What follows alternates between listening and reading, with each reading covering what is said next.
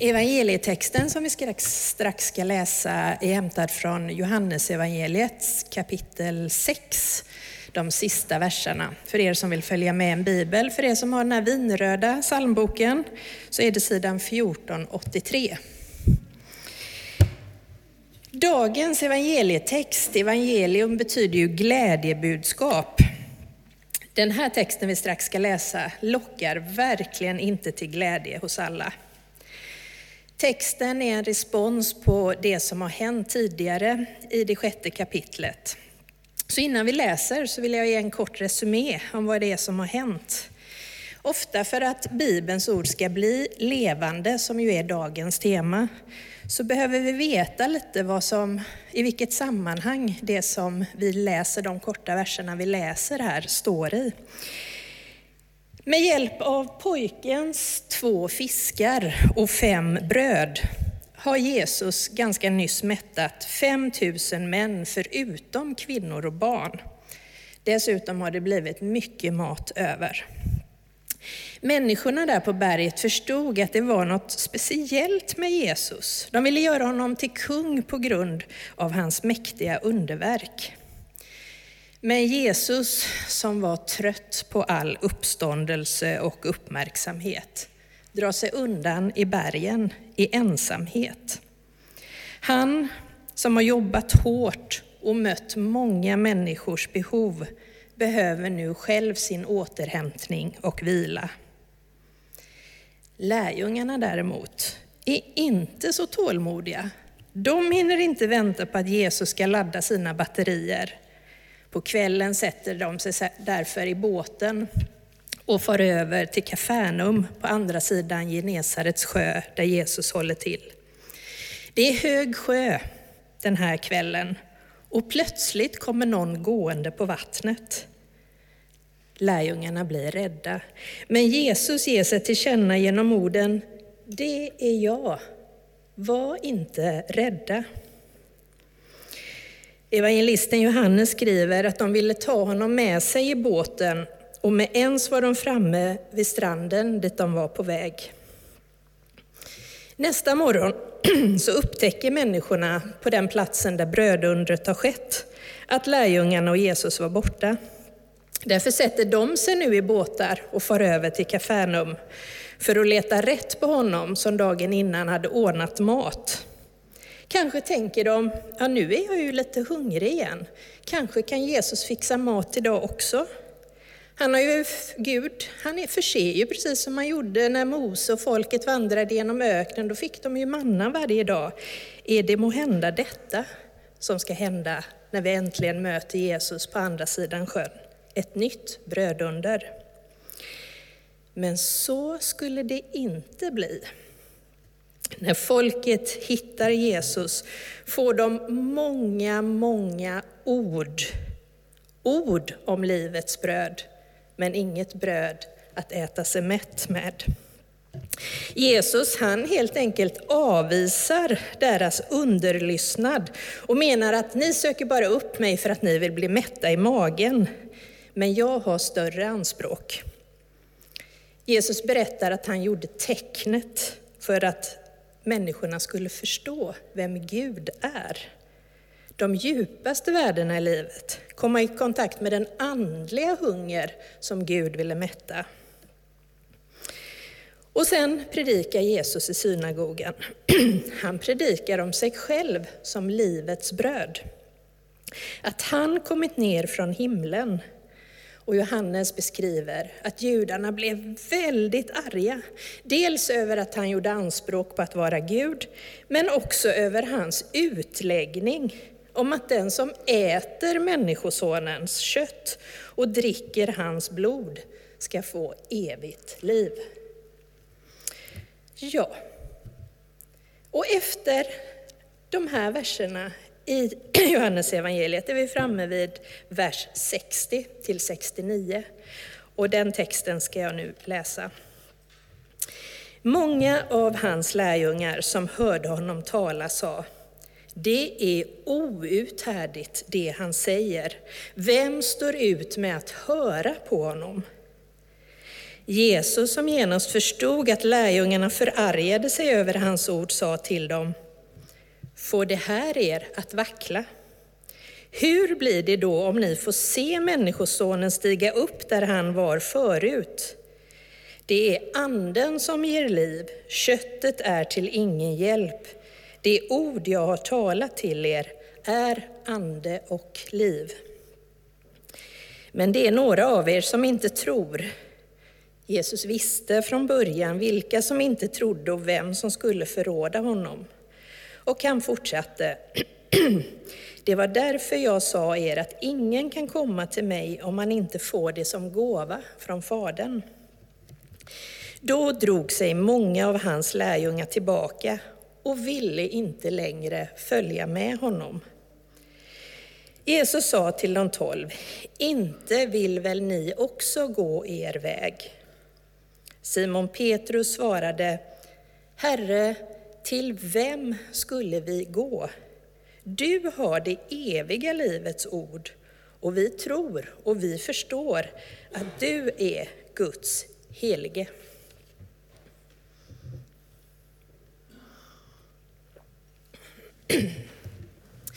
Ja, det här är ju ett väldigt spännande kapitel och en eh, mycket intressant del av kapitlet som vi har läst. Jag ska beröra några saker, det finns ju hur mycket som helst att säga. Ni kanske blir trött på mina ord, precis som lärjungarna blev. Ni är sugna på kyrkkaffe, då fattar ni sammanhanget i vilket det här liksom skedde. Levande ordet är ju temat idag. I den första versen i Johannesevangeliet läser vi, i begynnelsen fanns ordet och ordet fanns hos Gud och ordet var Gud. Alltså när Johannes, evangelisten, skriver om Jesus, så är det Jesus som är själva ordet. Och genom sina beskrivningar så försöker han på olika sätt göra ordet levande, förklara vem Jesus är. Men i dagens text så är det ju Jesus ord som gör att människor vill dra sig undan från honom och inte längre följa honom. Trots brödundret blir Jesus bara för mycket. Folk vill gärna ha hans underverk. Det är ju härligt när maten bara kommer som en gåva. Men de vill inte ha alla hans ord. Han vill att de ska se bortom brödet. Och det är väldigt intressant tycker jag att det är just hans lärjungar som inte alls förstår vad Jesus försöker kommunicera. Och här kan vi ju verkligen känna igen oss i vardagslivet. Det här med ord och språk och kommunikation, det är verkligen inga lätta grejer. Vi alla bär på många exempel i vår vardagskommunikation, när vi liksom inte når fram eftersom jag som är sändare tänker ut betydelsen i mina ord. Och den som lyssnar har ett helt annat associationsfält och tolkar orden helt annorlunda. Vilka ord och hur jag säger mina ord kan väcka omedvetna minnen och tankespår som gör att mottagaren får helt andra slutsatser än det som var sändarens avsikt. Det som sägs och det som hörs är ganska sällan samma sak. Och det är just detta som händer så många gånger i evangeliet när Jesus talar. Han vill ge ett glädjebud och så säger han, jag är livets bröd. Och det blir orsak till ilska och som Johannes uttrycker det, man drar sig undan. Man orkar inte längre lyssna. Det är ju outhärdligt det han säger. Vem står ut med att höra på honom? Och några tror inte. Ja, det här tänker jag är ju ändå en tröst till alla oss som inte heller alltid kan ta till oss alla Jesus ord och förstå vad han menar. Att inte heller lärjungarna fattade allt. Och det är ju knappast djärvt att påstå att Jesus måste ha varit en mycket karismatisk talare. Folk i stora massor gick ju långa vägar för att lyssna på honom. Han fick beröm. Det brann om hans ord, det lyste om hans bilder. Det var som speglar för Gud och människor. Och hans undervisning öppnade många dörrar in till himmelrikets hemligheter. Många menar ju att han är genom tidernas mönsterpedagog, ett föredöme för alla som håller på med pedagogik. Men där, varför drar man sig då tillbaka den här gången? Vad är det i det han säger som är så outhärdligt? Evangelisten ger oss ju som sagt en bakgrund till den här häftiga reaktionen. I efterdyningen av brödundret, då ju tusentals människor blev mättade, sedan Jesus bett över pojkens matsäck, så undervisar ju han om att han är livets bröd. Han säger, jag är livets bröd. Och de orden är en inbjudan till lyssnarna att han också vill mätta insidans hunger. Människan är inte bara en kropp med en hungrig mage, även om hon är det också. Men när de förargar sig över att han själv talar om sig som livets bröd, så säger Jesus, den som äter detta bröd ska leva i evighet. Det eviga brödet, den inre hungern, mättnaden. Varför drar man sig tillbaka? Ja, evangelisten ger oss också ett svar som finns på många andra håll i evangelierna. Så här, brödet, mättnaden, de väldiga underverken i sig är fascinerande. Men uppenbarligen så är det mer Jesus vill säga. Han använder i det här sammanhanget ordet för tecken. Tecken som är någonting mer än ett underverk, att fem bröd blir massa mat.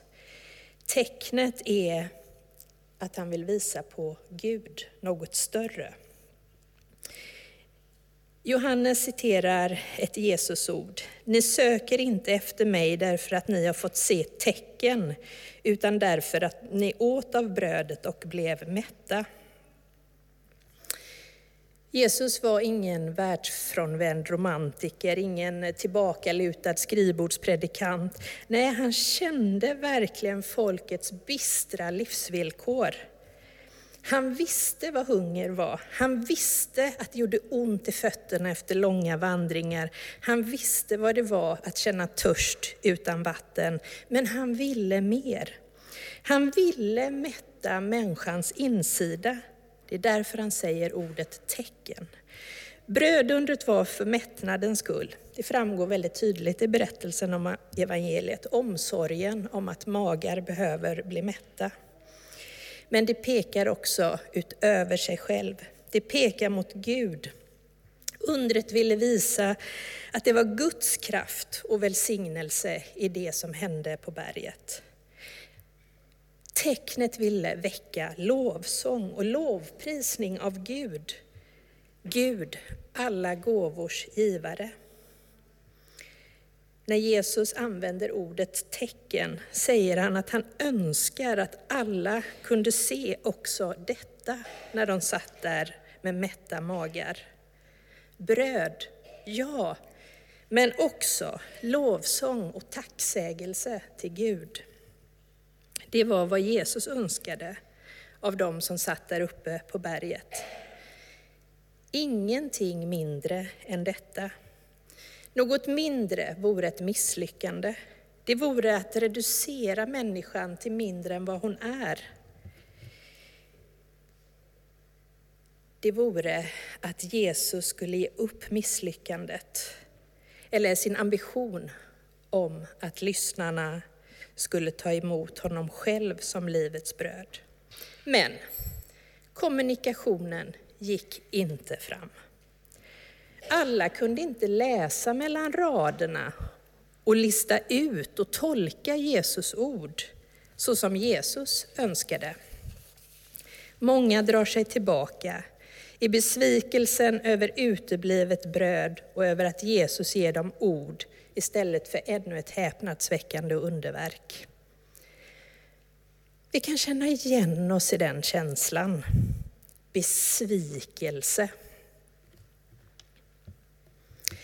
Som vi ber för det ena och det andra. Men svaret på de konkreta bönerna uteblir. Också vi kan ibland dra oss undan i besvikelse. Ibland slutar vi be. Det är ju ändå ingen idé eftersom Gud tycks döv. Ibland slutar vi gå till kyrkan i besvikelse på Gud när livet inte blir som vi har tänkt oss. Ja, det är inte alls svårt att känna igen sig i besvikelsen över uteblivet bröd. Vi vill inte ha ord utan bröd, inte teorier utan handling. Vi vill ha konkreta svar på våra böner. Jesus gör inte bara människorna besvikna. Det finns också något annat som förargar. Det finns en utmaning som inte alla står ut med. En utmaning att bli personlig med Jesus. Man kunde också säga att den utmaningen som räcks när Jesus är där, det är att ta emot för himmelrikets skull. Den utmaningen handlar inte om att ta emot en stor tro eller en liten tro. Det är ingen värdering överhuvudtaget. Den handlar om att öppna sig och stå hungrig eller med tomma händer inför honom som är livets ord. Vi kan inte forma Gud, men Gud kan forma oss. En Gud som vi människor formar kan bli väldigt ointressant för både oss själva och för andra. En Gud som inte gör skillnad varken i vårt eget liv eller i någon annans. Och ibland kan man ju undra när man rannsakar sig själv och, och, sin samtid så här, och kan man ju tänka, varför är vi liksom så ganska bekväma och lite loja i vår efterföljelse? Kyrkan är ointressant, hör man en del säga. Men handlar det om Jesus? Jag både tror och inte tror det. För lär vi känna den Jesus som evangelierna beskriver, så kan vi inte direkt påstå att han är tam och ointressant. Han är radikal, utmanande och uppfordrande. Lyssna till vad han säger, exempelvis älska dina fiender. Kämpa för att komma in genom den trånga porten. Vänd andra kinden till. Ge åt den som ber dig och vänd inte ryggen till den som vill låna av dig. Ni kan inte tjäna både Gud och mammon. Förlåt, inte bara sju utan 77 gånger. Håll fred med varandra. Döm inte. Hycklare, ta först ut bjälken ur ditt eget öga. Är vi inte beredda att hålla med? Det är outhärdligt, det han säger.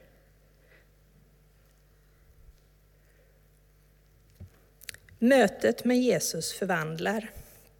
Han kan förvandla, men det är vi som inte riktigt orkar förvandlas, ta till oss de här utmanande orden, inte vågar släppa taget så att Gud kan göra genom oss. Vi vill ju så gärna själva vara Gud genom att ha kontroll över våra liv. Och ska man ha kontroll, då måste man hålla distans till Jesus. Man måste hålla distans till Jesus radikalitet. Vi vågar inte. Den stora utmaningen är att överlåta sig till Gud. Det är något av det han är ute efter när han samtalar den här dagen efter brödundret. Visst blir vi besvikna på Gud. De tycker att det är ohärdigt det han sa. De ville ha brödunder och inte ord. Flera drog sig undan, ville inte längre följa. Hans kommunikation verkar inte alls ha gått in i deras hjärtan. Orden hade inte blivit levande. Och Jesus, han liksom spanar runt där bland dem han möter den här dagen och så noterar han att det finns några runt omkring honom som inte tror. Därför säger han, det var därför jag sa er att ingen kan komma till mig om man inte får det som gåva av Fadern. Alltså tron är en gåva. något som vi får ta emot. En tro som finns där trots allt vi inte förstår. En tillit trots allt, mitt i allt. Det är inte en förtjänst, det är en gåva. Ord som erfarenheter som Ylva Eggehorn klär vackert i ord när hon skriver, när livet inte blir som vi har tänkt oss, vad gör vi med vår bitterhet och skam? Om hoppets Gud får bära oss igenom kan trots allt något nytt få växa fram. Så hör jag många kristna vittna om att när besvikelsen har lagt sig efter frågor och böner utan svar kan vi ändå stämma in i aposteln Petrus tal och tillsammans med honom och hela den kristna kyrkan säga Herre, till vem skulle vi gå? Du har det eviga livets ord och vi tror och vi förstår att du är Guds helige. Detta är ord bortom de egna orden. Det är bekännelsens ord till honom som själv är Guds tecken i världen. Du Guds helige, säger Petrus. Petrus som vanligt talesman för sina elva kompisar. Förstod då de tolv allt vad Jesus sa och gjorde? Nej, tveklöst nej. Inte ens Jesus lyckades kommunicera med sina ord. Evangelierna ger oss berättelse efter berättelse om att de tolv inte begrep. Men tilliten till Jesus fanns där. Viljan att vara med, lusten att ta emot, häpnaden, modet och uthålligheten. Låt oss be. Gud, här är vi nu. Hjälp oss att leva öppna för dig. Jesus, du som är det levande ordet, du som är ande och liv, ge oss gåvan att tro. Hjälp oss att leva nära dig. Låt din ande ge oss tillit och mod att uthålligt följa Jesus. Och när allt kommer omkring och livet stramas åt, Herre, till vem skulle vi gå om inte till dig? Låt ditt ord, Jesus, bli levande för oss. Amen.